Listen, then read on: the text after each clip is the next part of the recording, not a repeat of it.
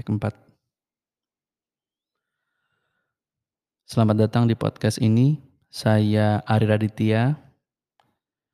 Podcast ini saya beri nama Cita-citaku jadi penulis.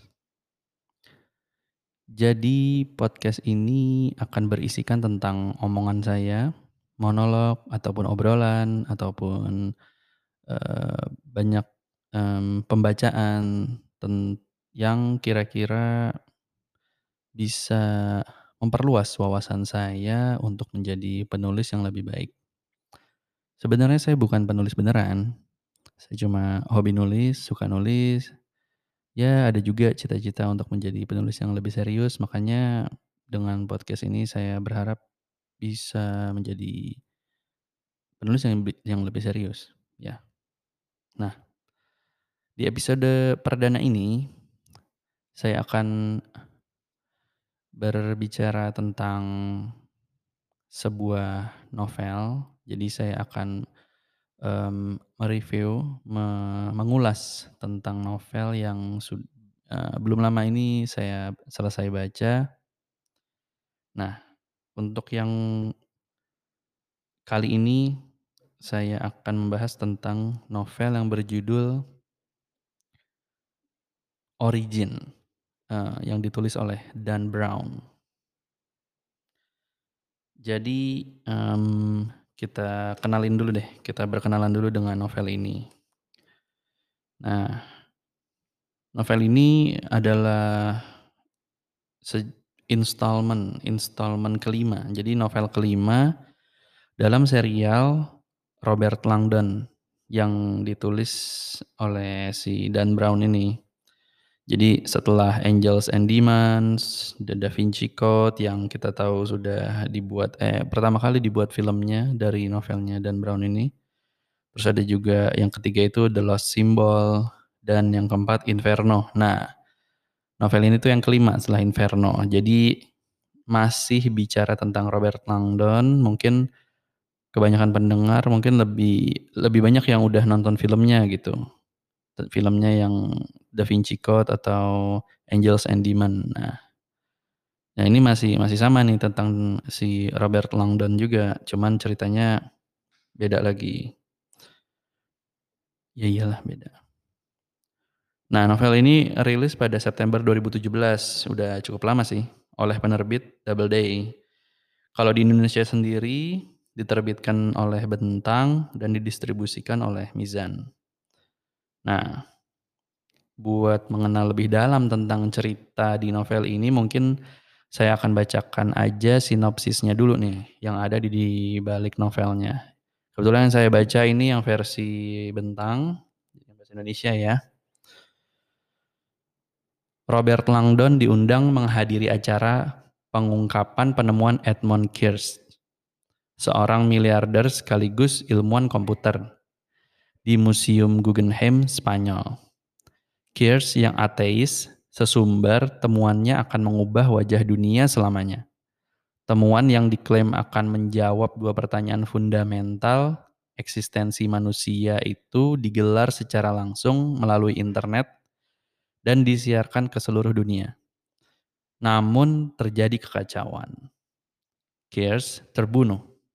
Sementara Langdon malah dituduh terlibat dalam pembunuhan dan menculik tunangan calon Raja Spanyol.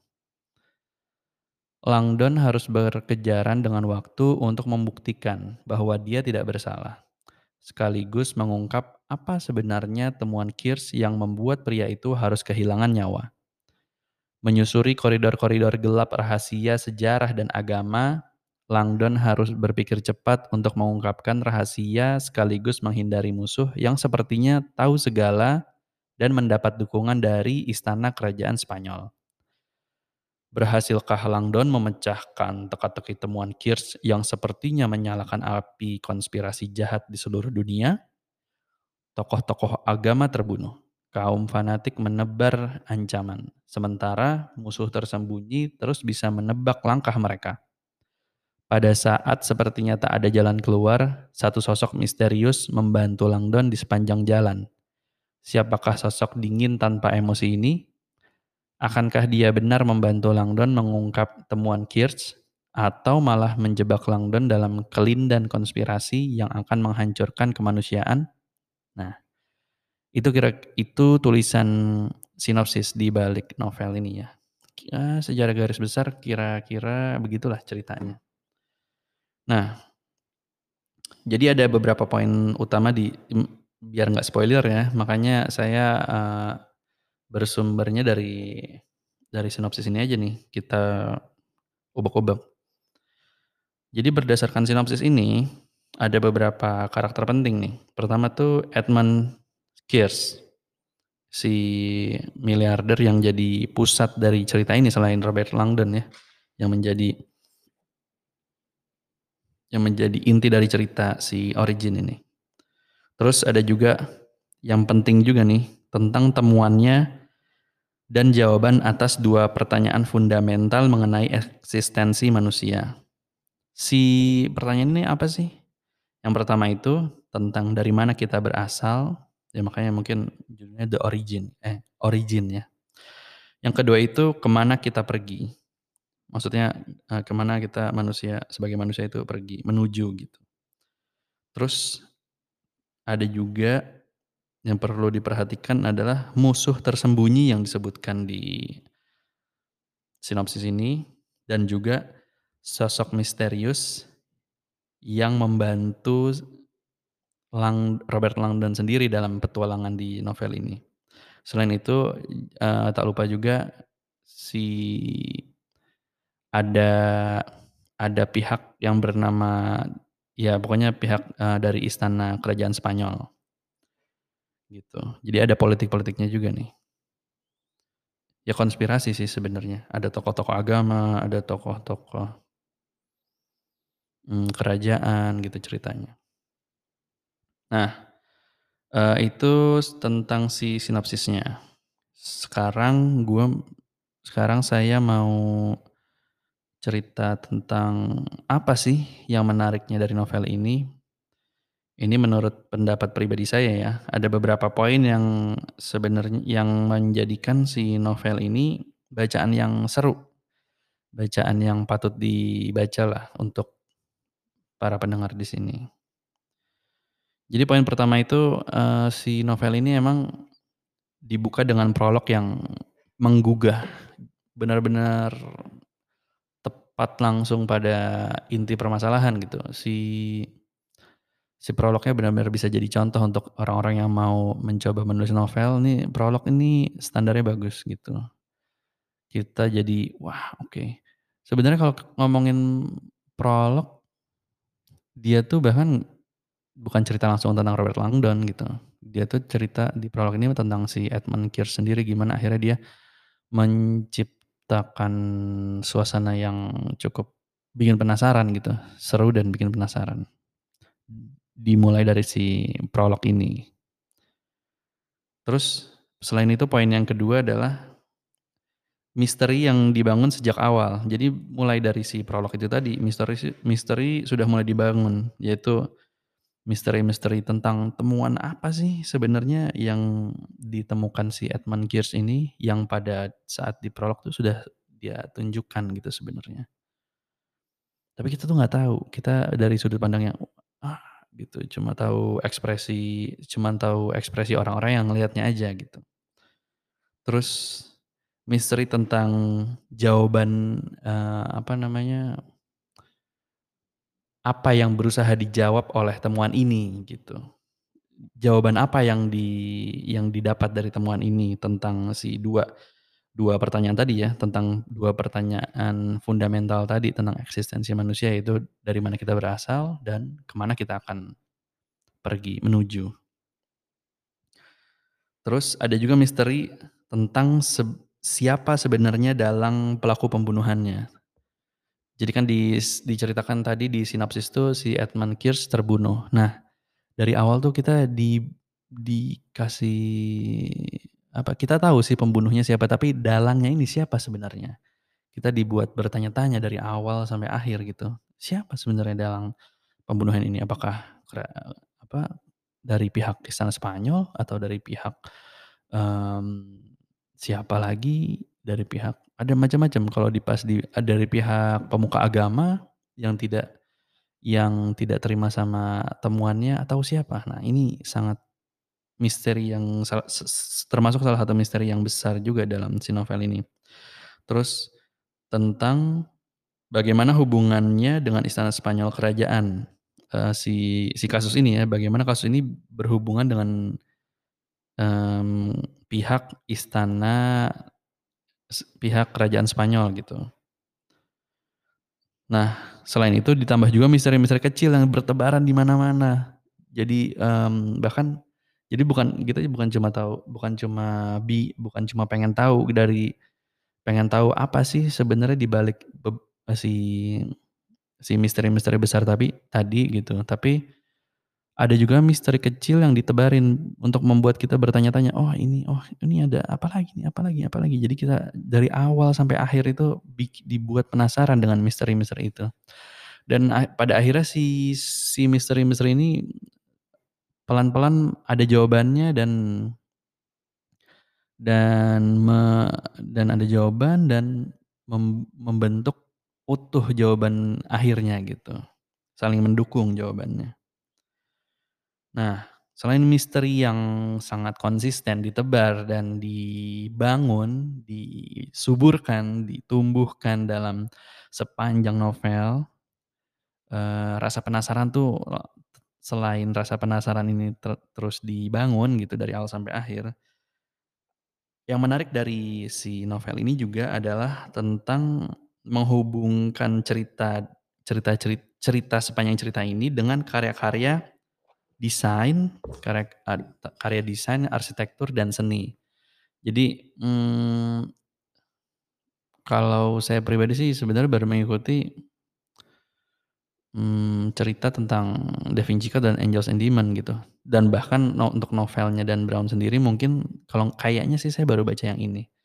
Tapi ini khas khasnya khasnya Robert Langdon gitu ya, karena dia seorang, eee, pakar simbol gitu.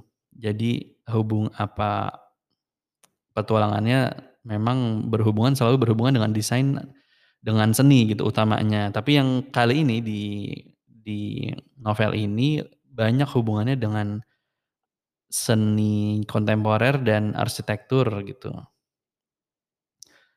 Dari mulai yang bersejarah hingga yang kontemporer, banyaknya bahkan yang kontemporer gitu ya. Bahkan menyambungkannya sebagai poin penting misteri cerita gitu. Si si apa namanya, si karya-karya seni ini jadi jadi poin-poin penting dalam cerita, dalam misteri-misteri yang dalam petualangannya gitu, dalam misteri yang di di dicoba dipecahkan. Petunjuk-petunjuknya tuh banyak menggunakan arsitektur, karya siapa, nanti bisa dibaca di dalam gitu ya, karya seni siapa.